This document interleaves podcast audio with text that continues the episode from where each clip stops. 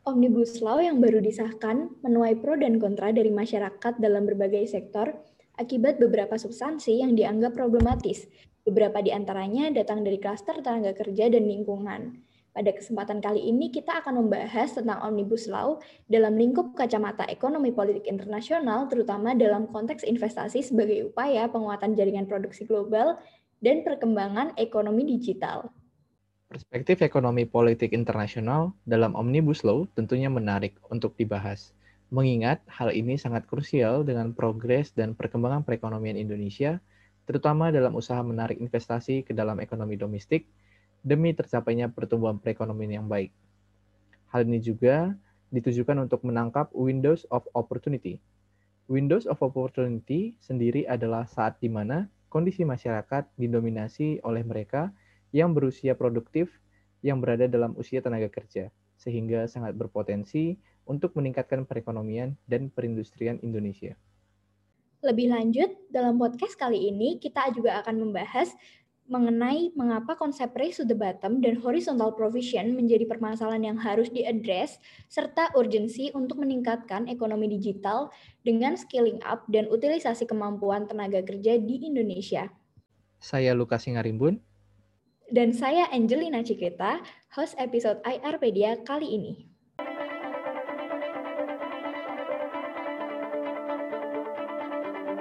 Dalam podcast kali ini, kita kedatangan Dr. Riza Nur Arfani, dosen ilmu hubungan internasional Universitas Gajah Mada. Bukan hanya dosen biasa, Dr. Riza Nur Arfani merupakan ahli dalam bidang ekonomi politik internasional, perdagangan internasional, serta pemerintahan dan manajemen konflik. Dr. Isanur Arfani dalam perjalanannya telah menempuh pendidikan tinggi tingkat pertamanya di HUGM, kemudian melanjutkan pendidikan dan mendapat gelar Master of Arts in International Relations di Syracuse University, melanjutkan pendidikannya kembali di Rutsunekan University dan mendapat gelar PhD in International Relations. Dr. Izanur Arfani sekarang juga menjabat sebagai Direktur dari Institute of International Studies atau IIS sekaligus chairholder dari WTO Chairs Program di University Centers for World Trade Studies atau CWTS.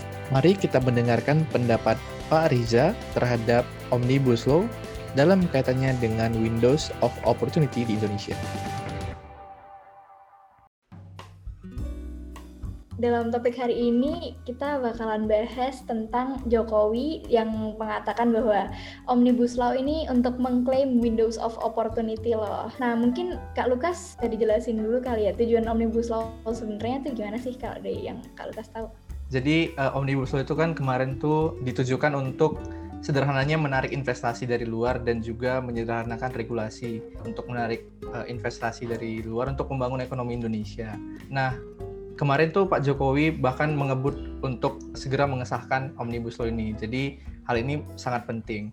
Nah, mungkin dari uh, Pak Riza sendiri uh, ada tidak insight uh, tersendiri dari tujuan adanya Omnibus Law ini? Nah, kemudian bagaimana kacamata ekonomi politik internasional melihat adanya Omnibus Law ini?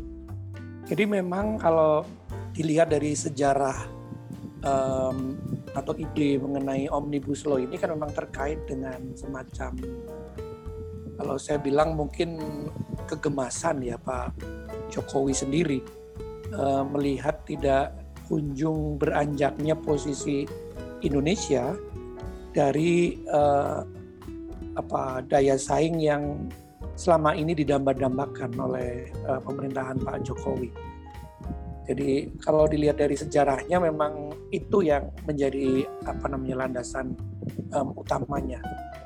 Ini digagas saya kira di pertengahan 2018 ya, um, ketika ide ini datang untuk um, sebetulnya mendongkrak uh, pertumbuhan ekonomi Indonesia yang uh, memang uh, dirancang itu um, akan banyak dihasilkan dari uh, masuknya investasi asing. Nah ini yang jadi uh, perkaranya kan um, posisi Indonesia dalam daya saing uh, untuk menarik investasi asing itu tidak banyak berubah sepanjang lima tahun pemerintahan Pak Jokowi. Dan salah satu yang ditengarai menjadi uh, persoalan utama adalah soal-soal um, yang uh, behind the borders ya. Jadi um, soal-soal uh, uh, birokrasi yang uh, memang um, selama ini menjadi uh, masalah karena itulah yang uh, menghasilkan banyak red tapes apa namanya Eh, tindakan-tindakan yang uh, mengulur waktu untuk perizinan, kadang-kadang ditingkahi juga dengan eh, aspek-aspek uh, yang berkaitan dengan korupsi, dan itulah yang uh, menjadi titik uh, utama dari reformasi birokrasi yang sudah dijalankan um, sejak awal pemerintahan Pak Jokowi. Nah, lebih khusus sebetulnya birokrasi yang berurusan dengan uh, investasi asing. Itulah yang uh, jadi uh, masalah serius sehingga kemudian ide ini uh, mulai dibicarakan di 2018. Um, singkat kata yang terjadi kemudian adalah um, ada banyak peraturan-peraturan yang dalam pandangan pemerintahan Pak Jokowi tumpang tindih, uh, mungkin saling uh, mengatur hal yang sama, tetapi kadang-kadang uh, menjadi uh, bermasalah karena um, apa namanya ketumpang tindihannya itu dan itulah yang kemudian menimbulkan ide uh, bagaimana kalau aturan-aturan ini disederhanakan. Sebelum ada um, ide omnibus law sebetulnya sudah banyak ya um, usaha untuk uh, mencapai uh, penyederhanaan aturan-aturan itu. Um, yang tadi saya sebut um, sebagai bagian dari reformasi birokrasi. Tapi ternyata itu tidak cukup. Dan itulah yang kemudian uh, menjadikan omnibus law ini menjadi uh, penting di dalamnya karena ide ini um, semacam me, me, apa namanya meringkas usaha-usaha yang selama uh, mungkin tidak hanya di masa pemerintahan Pak Jokowi ya tapi juga pemerintahan uh, Pak SBY sebelumnya um, sudah dilakukan tetapi tidak kunjung me, membuahkan hasil yang memuaskan dan di, di sanalah uh, omnibus law uh, apa uh, menjanjikan sesuatu. Kemudian singkat kata pula um, diidentifikasi ada sekitar 70 lebih uh, perundang-undangan yang uh, ditengarai uh, banyak tumpang tindihnya dan kemudian ingin disederhanakan lewat omnibus law. Jadi itu latar belakang utamanya. Dan itulah yang kita menyebutnya sebagai sebetulnya Windows of Opportunity. Uh, Windows of Opportunity ini um, terutama terkait dengan sebetulnya um, datangnya uh, pandemi COVID-19. Ya. Sebelum ada pandemi ini, um, yang terjadi Pak Jokowi melihat uh, para bawahannya, para menteri-menterinya, sampai ke nanti di level daerah itu seperti uh, menjalankan bisnis as usual ketika uh, sudah banyak ide untuk reformasi birokrasi. Sehingga um, ini dijadikan Pak Jokowi semacam oke okay, uh, enough is enough ya. Um, saya uh, uh, saya mengatakan dia mungkin membayangkan um, sebelum pandemi uh, dia sudah punya memang bayangan ini harus cepat dilakukan. Tapi pandemi membuat ini harus ekstra cepat dilakukan. Sehingga apa pun risikonya dia hadapi termasuk risiko uh, yang datang dari penentangan uh, berbagai kalangan ya kalangan buruh kalangan masyarakat sipil kalangan uh, uh, pecinta lingkungan uh, bahkan kalangan investor asing juga yang juga melihat um, uh, penyusunan undang-undang ini terlalu terburu-buru uh, tidak memakai uh, desain yang uh, uh, komprehensif dan seterusnya. Risiko itu ditempuh demi uh, uh, apa namanya me, mendapatkan uh, peluang yang kalau saya bilang 20 tahun sekali tidak datang gitu. Jadi uh, ini datang uh, bersamaan dengan uh, ambisi dia untuk menyelesaikan reformasi birokrasi dan um, kebetulan kemudian ada pandemi dan uh, um, dia ambil risiko itu. Itu yang uh, selama ini mungkin kita dapati mungkin ya selama uh, mungkin hampir 7-8 bulan uh, belakangan ini gitu. Mas Lukas dan Mbak eh, Angel ya. Baik Pak Risa, bener banget sih. Emang kalau ngomongin ini Omnibus Law kayak erat banget kaitannya sama FDI sih. Tapi kalau ngomongin Jokowi, FDI gitu-gitu kan menarik banget ya sepertinya kalau dianalisis juga dengan konteks global yang kayaknya kan akhir-akhir ini Cina itu lagi bangkit. Katanya ada rising Cina juga nih. Jadi di sini kan Cina kan dikatakan sebagai rule setter ya mulai jadi rule setter dalam perekonomian global. Jadi kayak pragmatisme Cina nih akhirnya menyebar ke seluruh dunia dan kalau di compare sama Eropa, Eropa kan selama ini idealis. Nah, mereka lebih mengutamakan sustainable investment. Mengingat juga waktu itu kita sempat di ban juga palm oilnya sama apa karena kita nggak disebut nggak sustainable. Nah, substansinya yang terkait AMDAL juga, kira-kira bener nggak sih Pak kalau ada relevansi dari rise of China sama pragmatisme yang berkembang di Indonesia, jadinya tuh nggak ada urgensi gitu loh untuk addressing sustainable investment sekarang. Tahu yang kebijakan AMDAL dalam Omnibus Law ini karena pemerintahnya tuh pengen simplifikasi regulasi buat narik BRI investment atau sebenarnya murni karena pemerintah ini merasa birokrasi terkait AMDAL ini emang terlalu terlalu kompleks dan overlapping kayak yang udah disampaikan Pak Risa sebelumnya. Jadi butuh disimplifikasi aja untuk narik FDI secara agregat gitu. Iya, uh, sedikit banyak mungkin ada ada kaitannya ya dengan uh, munculnya uh, atau uh, bangkitnya Cina menjadi raksasa ekonomi internasional, terutama uh, sejak um, negeri ini uh, menjadi anggota WTO di tahun 2001 kan uh, uh, peningkatannya eksponensial ya. Dari sisi pertumbuhan ekonomi, dari sisi uh, integrasinya kepada uh, perdagangan global, uh, menguasai jaringan produksi internasional, bahkan menguasai mulai pelan-pelan ya global value chain dan semacamnya. Itu memang ada kaitannya dan itu tidak hanya Indonesia saja yang merasakan itu, tapi hampir semua negara di dunia merasakan bagaimana bangkitnya Cina ini mempengaruhi cara mereka mengelola um, ekonominya, termasuk kita Indonesia ya. Dan uh, memang kalau dikaitkan dengan uh, peluang untuk uh, mendapatkan investasi asing dari uh, Cina, terutama dalam skema Belt and Road Initiative mereka um, cukup terbuka.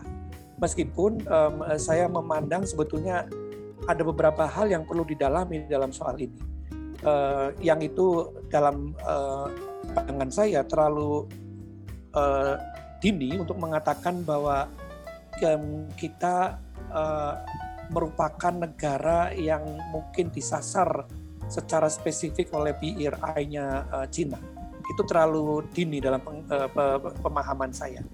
Um, alasannya adalah karena uh, pertama begini, pertama um, untuk menjadi um, negara sasaran yang utama dari Eh, proyek-proyek yang uh, diinisiasi lewat BRI, kita memerlukan banyak sekali uh, ini ya apa namanya infrastruktur, uh, apakah itu fisik maupun uh, regulasi um, yang memungkinkan kita bisa menarik proyek-proyek uh, itu ke sini.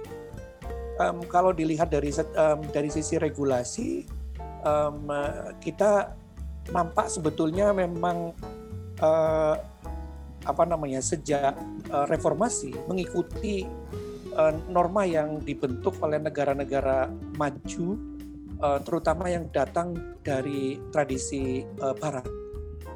Negara-negara maju ini punya norm setting yang berbeda dengan nanti kemunculan Cina yang tadi Angel bilang lebih pragmatis ya dalam kerangka norm maupun dalam kerangka, kerangka regulasinya sejak reformasi kita mengikuti um, mengikuti tren itu. Ya, kita bisa lihat misalnya dari uh, undang-undang uh, tenaga kerja saja. Ya, undang-undang 13 um, tahun 2003. Jelas yang di dirancang adalah menjadikan negara ini adalah negara yang peduli pada upaya-upaya peningkatan kesejahteraan buruh. Jadi um, ini mengikuti sebenarnya pola atau tren yang terjadi di negara-negara Barat yang uh, sebetulnya dalam kasus Cina pun um, sudah di, uh, dimulai uh, meskipun tidak semasif yang ada di Barat ya. Undang-undang uh, um, ini kalau dalam konteks Indonesia sangat menekankan bagaimana buruh itu di uh, apa namanya dilindungi dan kemudian um, apa namanya kapasitasnya dijaga uh, gitu. Dan uh, kemudian juga ini apa namanya negara uh, bertugas untuk setiap uh, um, saat uh, mengawal apa yang um, menjadi kepentingan buruh. Um, sehingga uh, kita tahu sejak undang-undang itu ada um, asosiasi uh, perburuan kita lumayan kuat sampai sekarang ya. Sampai sekarang pun benar-benar kuat karena um, mereka termasuk sekarang elemen yang menggugat undang-undang omnibus law ini undang-undang 11 2020 kita masih menunggu hasilnya seperti apa tapi itu menunjukkan bahwa kapasitas negosiasi buruh uh, meningkat uh, cukup drastis ya sejak uh, adanya undang-undang uh, 13 2003 itu dan itu menunjukkan tren yang sebetulnya mengarah ke norma yang berlaku di banyak negara-negara maju. Um, norma inilah yang kemudian sebetulnya uh, nanti ketika kita cerita soal omnibus law um, berusaha untuk di uh, apa namanya di um, ditinjau ulang oleh omnibus law ini. Um, um, itu contoh yang pertama. Contoh yang kedua yang tadi disebut Angel juga dalam soal um, lingkungan. Dalam soal lingkungan sebetulnya juga um, bahkan jauh sebelum reformasi um, norma kita tuh mengikuti juga norma uh, yang diterapkan atau tren yang terjadi di negara-negara uh, maju. Um, kita mengikuti itu dengan cukup um, uh, comply ya, cukup taat uh, pada regulasi-regulasi maupun norma-norma yang terbentuk di level internasional undang-undang lingkungan hidup kita um, um, sangat peduli dalam soal itu, termasuk dalam soal AMDAL. AMDAL itu juga adalah refleksi dari kepatuhan kita pada rezim, regulasi maupun norma yang uh, menjadi tren ya di di level internasional. Dan ini pula yang um, atas nama uh, atas nama apa namanya reformasi di uh, bidang investasi asing um, hendak ditinjau ulang. Um, ada banyak perdebatan dalam soal ini. Ada yang uh, sangat keras menentang apa yang um, diatur dalam Undang-Undang 11 2020 karena um, sebetulnya menurut mereka ini tidak saja mengganti prosedurnya atau mengubah prosedurnya ya, tetapi juga mengganti keseluruhan um, fundamental ininya ya, idenya, uh, ide fundamentalnya dari uh, pengaturan mengenai AMDAL itu yang tadinya menggunakan uh, prinsip uh, polluters pay, siapa yang mempolusi, siapa yang merusak, mereka lah yang harus membayar um, uh, dengan segenap pengawasan dari lembaga-lembaga yang terkait, termasuk nanti dalam hal ini adalah negara. Uh, penggantian prosedur AMDAL dalam Undang-Undang 11 2020 menjadikan ini semua uh, hilang gitu uh, menurut uh, para pengkritik yang keras ya dalam soal ini.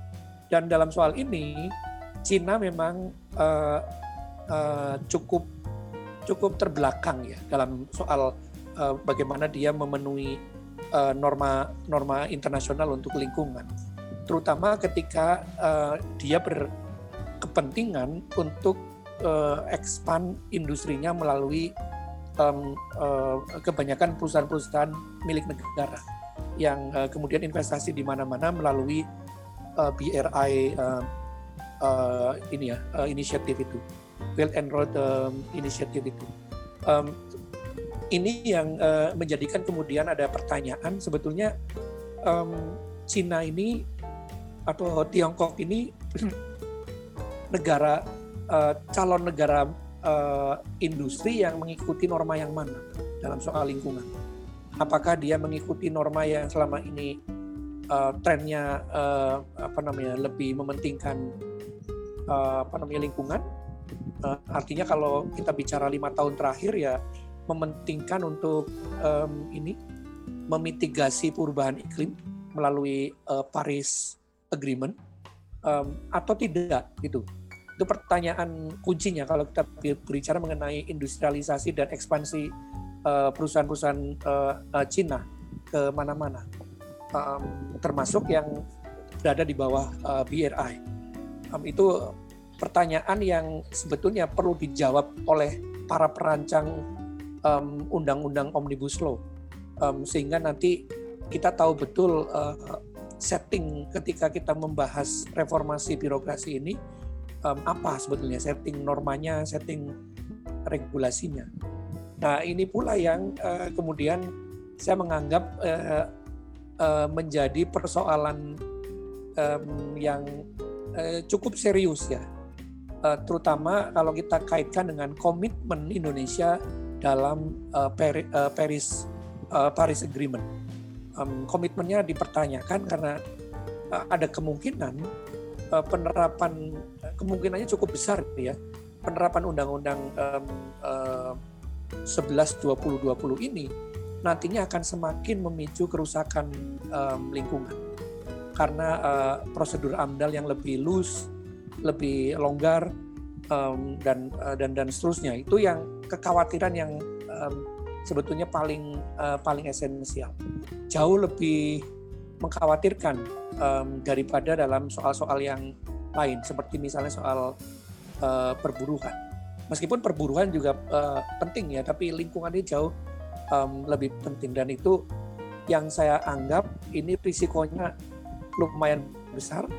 Um, jadi alih-alih mendatangkan investor, um, mendatangkan investasi asing, yang terjadi bisa jadi investor reluctant, uh, terutama investor yang clean ya, clean and punya uh, motivasi untuk um, uh, green, untuk uh, apa uh, green industry dan seterusnya, yang itu masih cukup mendominasi, termasuk saya kira yang datang um, dari uh, Cina, tetapi dalam konteks sebetulnya jaringan produksi atau jaringan uh, pemasok um, yang utamanya kebanyakan uh, lead uh, firmnya datang dari negara-negara barat. Uh, mereka punya jaringan atau rantai pasok di Cina, tapi mereka normanya mengikuti lead firms yang ada di barat yang sudah dituntun dengan guideline yang ketat untuk um, uh, menerapkan green economy, green industry dan dan seterusnya. Um, itu juga uh, akan menjadi pertanyaan apakah mereka juga akan uh, tertarik kalau misalnya um, nanti ada masalah dalam soal-soal yang berkaitan dengan um, apa namanya uh, environmental protection atau environmental um, uh, preservation. Gitu. Nah, oleh karenanya saya menganggap sebetulnya um, di luar perdebatan yang di level internasional ini dalam soal norm setting atau rule setting sebetulnya yang patut nanti menjadi perhatian juga adalah sebetulnya siapa yang akan diuntungkan dengan uh, undang-undang ini.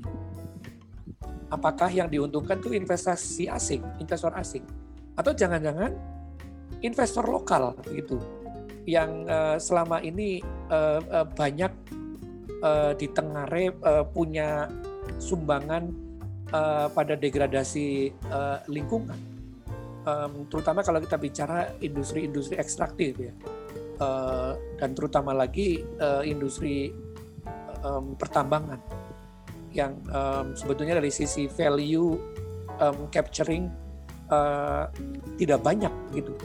Um, uh, saya dan Mbak Popi pernah menulis di um, salah satu penerbitan WTO mengenai uh, bagaimana ini ya, bagaimana value capturing di industri-industri ekstraktif harus dilakukan. Bagaimana industri seperti uh, uh, batu bara itu harus segera berpindah ke mata rantai nilai yang uh, value capture-nya lebih tinggi, menyajikan uh, capturing the value yang lebih lebih tinggi. Itu hampir um, tidak pernah atau paling tidak dalam pandangan kami ya dalam analisis kami tidak pernah menjadi uh, urusan yang serius yang dilakukan oleh para pelakunya. Jadi uh, kita tahu ya industri batu bara ini kan sebetulnya industri yang seharusnya uh, phasing out. Kalau kita menggunakan Paris Agreement sebagai um, uh, patokan. Karena kita punya komitmen uh, untuk menurunkan um, emisi uh, karbon. Uh, dan batu bara dan segenap ininya ya nanti apa uh, segenap multiplier efeknya um, karena dia juga nanti uh, menjadi bahan baku untuk um, energi uh, apa namanya untuk pembangkitan listrik jadi energi uh, untuk pembangkitan listrik jadi uh, kalau dihitung uh, secara rata-rata batu bara itu menyumbang cukup besar dalam um, tambahan emisi karbon. Nah ini yang um, uh, belum dibicarakan secara serius. Dan on top of that, sekarang ini kita sudah punya undang-undang yang memungkinkan mereka untuk eksploitasi lebih lagi industri-industri dengan memanfaatkan aturan-aturan yang direlaksasi dalam AMDAL gitu. Uh, ini yang oleh teman-teman uh, apa pecinta lingkungan, para pemerhati lingkungan sangat ditentang. Jadi sebetulnya uh, mereka menentang para pelaku-pelaku yang uh, pelaku industri ya yang uh, masih uh, menggunakan norma norma lama gitu. Dan itu yang uh, seharusnya menjadi perhatian uh, ya, um, oleh para pemangku kepentingan. Dulu sebetulnya kalau sebelum undang-undang ini diundangkan oleh para legislator tapi legislator kita uh, dengan berbagai alasan um, tidak sempat uh, membuat analisis atau pendalaman mengenai uh, draft um, ini ya undang-undang omnibus law ini. Ada banyak uh, ini versi dari soal itu. Tapi apa pun um, proses legislasinya menurut saya cacat itu dalam soal ini. Terutama kalau kita melihat um, dampaknya pada persoalan lingkungan uh, itu teramat membahayakan ya dan itu nanti kaitannya dengan uh, komitmen kita untuk uh, mengurangi uh, apa namanya emisi karbon um, itu berkaitan dengan komitmen kita di uh, Paris Agreement. Kira-kira itu Angel yang jadi latar belakang dan saya kira kalau dikaitkan dengan ya Cina mungkin ada kaitannya, cuman tidak terlalu langsung ya, um, karena bagaimanapun yang nanti memanfaatkan undang-undang ini, terutama kalau yang berkaitan dengan AMDAL, lebih banyak sebetulnya pemain lokal, ya, pelaku-pelaku lokal. Um, kalau uh, pemain asing, investor asing, termasuk yang uh, mungkin datang dari rantai pasok yang melewati Cina, akan akan cukup hati-hati dalam soal ini. Kecuali misalnya nanti dalam soal-soal yang ini ya, perusahaan-perusahaan raksasa mereka yang terlibat di uh, pemurnian nikel misalnya itu juga patut juga uh, uh, kita awasi. Yang terjadi di Morowali di Sulawesi Tengah um, dan di beberapa tempat di Jawa Barat uh, dan um, beberapa di Sumatera juga. Um, itu perlu diawasi dengan ketat dan uh, selain dalam soal labor juga kan labor juga karena mereka mendatangkan uh, tenaga kerja dari sana ya juga dalam soal uh, kepatuhan mereka dalam uh, AMDAL. Uh, bagaimana? Selama ini uh, under ini ya underestimated. Jadi uh, tertutup oleh isu-isu labor jadi kebanyakan isu-isu uh, tenaga kerja. Padahal um, ini penting. Karena nanti menyangkut soal-soal yang berkaitan dengan konsesi lahan, konsesi hutan dan dan seterusnya tadi kan uh, ngomongin industri dan industri ekstraktif ya beberapa di antaranya. Nah, uh, ngelihat lagi dalam ekonomi politik internasional, akhir-akhir ini sepertinya ada peningkatan tren foodless industry ya. Nah, dalam berinvestasi sendiri, investor transnasional sendiri itu harus menganalisis dalam memilih target indikatornya, konsistensi cash flow statement, definisi jangkauan analisis, evaluasi transparan, dan presentasi hingga indikator yang relevan dari perspektif manajemen Nah, menekankannya pada analisis ROI dalam relocation expenses. Nah, ini ada biaya pemindahan fisik, biaya produksi, startup, dan opportunity cost relokasi seharusnya. Nah, tetapi kalau kita ngomongin dalam konteks food plus industry, ini kan relocation expense-nya kan nggak akan terlalu besar. Nah, bagaimana sekiranya Omnibus Law ini bisa menjamin biar Indonesia itu nantinya nggak dirugikan sama tren food plus industry ini, dan Indonesia tuh nantinya nggak cuma jadi tempat transit, transit lalu cuma diekstraksi dan ditinggal lagi relokasi setelah resourcesnya dirasa sudah kurang beneficial. Iya betul. Jadi memang um, itu kekhawatirannya ya. Jadi um, yang sudah itu um, akan cukup mungkin dikhawatirkan bisa terjadi lagi um, kalau kita tidak hati-hati dalam uh, nanti me, men, um, mengimplementasikan Undang-Undang 11 2020 ini. Terutama memang karena karakteristik um, industri yang tadi disebut Angel sebagai uh, footloose gitu, sebagai yang gampang berpindah-pindah dari satu tempat ke uh, tempat yang satu ke tempat yang lain. Dan um, sebetulnya kata kita kalau kita bicara footloose itu lebih banyak terkait dengan utamanya industri-industri yang teknologinya menengah uh, ke bawah. Termasuk di dalamnya adalah industri-industri um, ekstraktif ya. Dan yang yang yang paling mungkin uh, menjadi perhatian kita adalah di industri yang mengandalkan human capital, labor intensive industry. Jadi industri yang mengandalkan buruh, terutama buruh yang diupah secara uh, murah.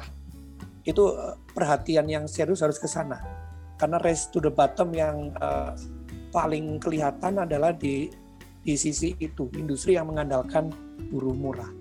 Jadi yang diekstrak tidak saja dalam bentuk natural resources-nya tapi juga human capital-nya. Jadi kalau kita memakai kacamata atau cara pandang yang um, strukturalis dalam banyak kajian uh, ekonomi politik internasional ya, ini menggambarkan bentuk baru um, eksploitasi, uh, menggambarkan bagaimana um, apa namanya kesejahteraan buruh itu ditukar dengan modal yang datang dari luar negeri. Jadi modal itu datang um, katanya untuk welfare, tapi sebetulnya tidak. Welfare-nya diambil mereka dan yang tinggal adalah kesengsaraan demi kesengsaraan. Dan yang tinggal adalah uh, apa social gap ya um, yang uh, nantinya menjadi ciri khas dari um, race to the bottom. Dari sisi perusahaan sebetulnya kalau saya tadi bilang tren ini cenderung ditinggalkan tren untuk race to the bottom uh, itu ditinggalkan termasuk dalam industri-industri yang uh, tadi saya sebut men, uh, berteknologi menengah uh, ke bawah. Tetapi memang um, yang terjadi lima tahun belakangan ini membuat tren ini terhenti atau melambat uh, tren untuk beralih ke industri yang lebih um, apa ramah buruh, ramah lingkungan itu melambat karena ada kecenderungan uh, proteksionisme di mana-mana. Uh, ada kecenderungan negara-negara uh, mulai melindungi uh, industri atau buruhnya masing-masing ya. Dan itulah yang membuat uh, para pelaku industri uh, menjadi mungkin uh, semacam uh, memikirkan lagi bagaimana cara untuk uh, mempertahankan supaya uh, tetap bisa uh, apa komitmen pada ramah buruh dan ramah lingkungan dalam uh, operasi bisnisnya. Dan itu yang tadi Angel sebut uh, sebetulnya itu bagian dari internalisasi eksternalitas lingkungan dan uh, kesejahteraan. Um, jadi kalau kalau kita menghitung uh, return on investment dari sisi pelaku usahanya kan sebenarnya selama ini sebelum ada ada tren ramah buruh dan ramah lingkungan kan uh, kebanyakan uh, mereka menganggap uh, kalau itu urusannya lingkungan, kalau itu urusannya tenaga kerja itu um, sebagai eksternalitas, terutama dalam kaitan um, ya ini kaitan kesejahteraan uh, buruhnya ya. Um, mereka mungkin hanya peduli pada ongkos produksi yang didapatkan dari merendahkan mem, apa, membuat rendah uh, upah buruh karena itu akan uh, membantu um, kalkulasi um, return of on investment mereka. Tapi yang terjadi um, setelahnya kan sebetulnya setelah ada kepedulian pada uh, buruh kan sebetulnya yang terjadi adalah mereka tidak lagi mengandalkan ini bagian dari uh, upaya menekan ongkos produksi aset gitu.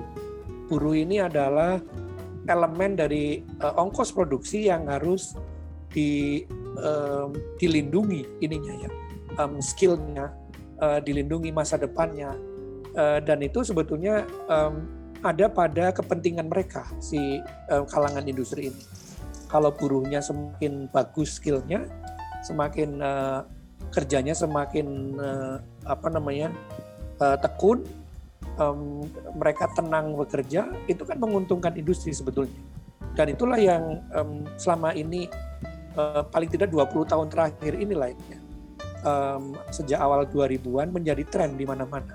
Sehingga kemudian uh, banyak aturan uh, regulasi di tingkat internasional maupun di tingkat nasional yang mengikuti tren ini.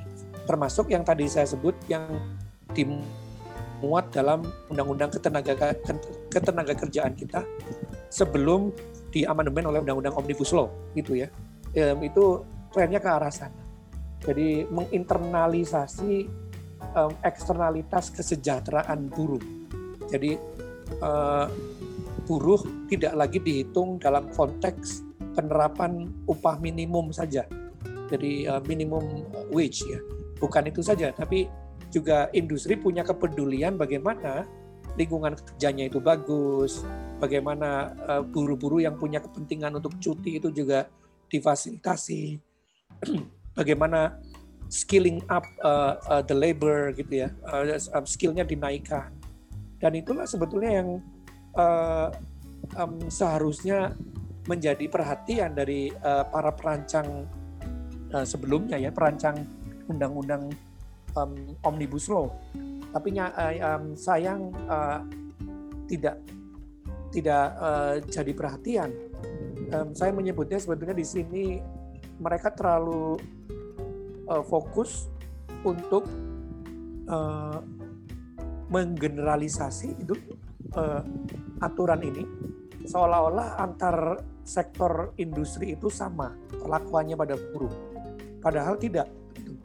Saya tadi misalnya pakai kategori teknologi saja ya. Um, industri dengan teknologi menengah ke atas itu punya um, uh, prasyarat buruh yang berbeda dengan uh, industri yang memakai teknologi menengah ke bawah. Ambil contoh misalnya industri sektor industri elektronik um, dan uh, otomotif atau logam uh, pada umumnya. Atau mungkin petrokimia um, ya uh, uh, plastik. Itu kan teknologinya menengah ke atas ya. Um, itu membutuhkan buruh yang berbeda secara skillnya secara keterampilannya dengan Misalnya sektor-sektor industri seperti tekstil atau alas kaki juga berpengaruh pada aturan regulasi yang seharusnya diikuti. Jadi kritik saya yang paling esensial pada Undang-Undang Omnibus Law ini kan pada seputar itu sebenarnya. Undang-undang ini terlalu fokus mengatur aspek-aspek yang horizontal. Jadi seolah-olah industri itu sama aturannya. Jadi kalau kita merujuk pada aturan buruhan yang um, dibuat di Undang-Undang 11 2020 ini nyaris menyamakan semua sektor gitu. Jadi semua sektor dianggap punya keperluan yang sama. Jadi uh, ada mekanisme untuk uh, kontrak ya tenaga kontrak tanpa batas waktu dan seterusnya. Padahal tidak gitu. Ada sektor-sektor yang sangat membutuhkan buruh yang punya loyalitas, punya komitmen, punya uh, main uh, mental set bahwa mereka akan berkarir di satu industri untuk jangka waktu yang agak lama gitu misalnya.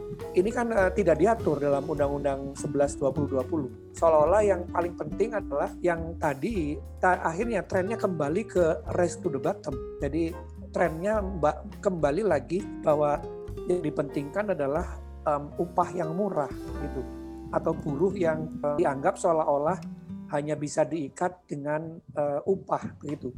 Padahal tidak ada industri yang justru membutuhkan loyalitas dan itu eh, loyalitas dibentuk karena industri atau pengusaha itu menjanjikan misalnya proses uh, atau jenjang karir ya atau skill. Misalnya saya ambil contoh ini ya otomotif karena saya agak lama meneliti ini ya beberapa tahun. Uh, saya melihat sebetulnya kalau otomotif kan memang industri yang teknologinya tinggi ya dan dalam 10-15 tahun terakhir malah mereka mengalami proses yang namanya otomasi dalam produksi. Jadi orang-orang tenaga manusia digantikan dengan robot atau bahkan uh, artificial um, intelligence ya dalam proses produksinya. Tapi bagaimanapun sentuhan uh, uh, manusia tetap diperlukan dalam bentuk lain ya. Nanti dalam bentuk lain misalnya yang diperlukan adalah yang kita sebut sebagai proses uh, menyiapkan sebetulnya uh, buruh-buruh kita untuk masuk ke revolusi industri 4.0 yang membutuhkan buruh-buruh yang uh, terampil gitu. dan terampil kalau dalam industri otomotif ya terampil mengawasi um, uh, kerja robot gitu uh, karena robot pun tidak tanpa cacat. Uh, robot ada cacat dan um, mereka yang mensupervisi adalah uh, manusia. Dan manusia inilah yang bekerja di samping robot-robot itu dan yang memastikan uh, semuanya berjalan um, sesuai dengan rencana. Dan itu yang uh, di undang-undang ini tidak difasilitasi dan malah sekarang nampaknya kembali ke eh, penetapan upahnya itu tidak lagi sektoral ya, tapi lebih ke regional. Sehingga nanti buruh di otomotif akan punya aturan yang sama dalam soal pengupahan dengan buruh di tekstil. Yang itu sebetulnya agak bertentangan dengan eh, yang dibayangkan oleh kalangan industri. Eh, kalangan industri bukan itu yang dibayangkan. Kalau mereka tidak, buruh ini tidak tenang bekerja karena sedikit-sedikit dicampuri dengan urusan-urusan upah yang mungkin harus dinegosiasikan, kan repot ya. Mereka tidak bisa berpikir mengenai bagaimana membina, supervisi, membuat para buruh ini juga ikut dalam proses perpindahan pola produksi, bagaimana mereka menjadi bagian dari upskilling ya, eh, bagian dari upgrading dalam proses produksi mereka. Itu yang ini ya tidak ya, dipikirkan. Belum lagi kalau kita bicara yang berkaitan dengan penggunaan e-commerce ya atau digitalisasi yang lebih uh, masif dalam industri-industri yang nanti menjadi ciri dari um, industri 4.0. Kita memerlukan aturan ketenaga kerjaan yang juga relevan dengan kebutuhan itu. Nah, kalau kembali ke aturan-aturan yang lama, ini agak merepotkan dan oleh karenanya saya, saya kira mungkin yang nanti perlu diperhatikan oleh teman-teman uh, yang uh, punya concern dalam soal ini bagaimana aturan yang sudah terlanjur menjadi undang-undang nantinya bisa memfasilitasi yang saya sebut sebagai vertical provisions, provisi atau aturan-aturan yang vertikal yang mengatur masing-masing industri ya, yang berbeda-beda jenisnya itu. Otomotif berbeda dengan tekstil, elektronik berbeda dengan tambangan. Itu yang diperlukan sebetulnya. Dan undang-undang ini tidak menyediakannya. Kira-kira gitu Angel.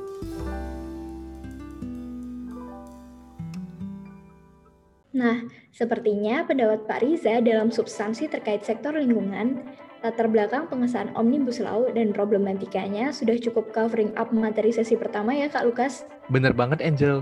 Sekarang mari kita dengarkan pendapat Pak Riza terkait ketenaga kerjaan, serta alternatif yang bisa dibayangkan untuk menguatkan posisi Indonesia dalam jaringan produksi global dengan studi kasus yang lebih spesifik, yaitu ekonomi digital dan industri manufaktur berteknologi tinggi di sesi kedua.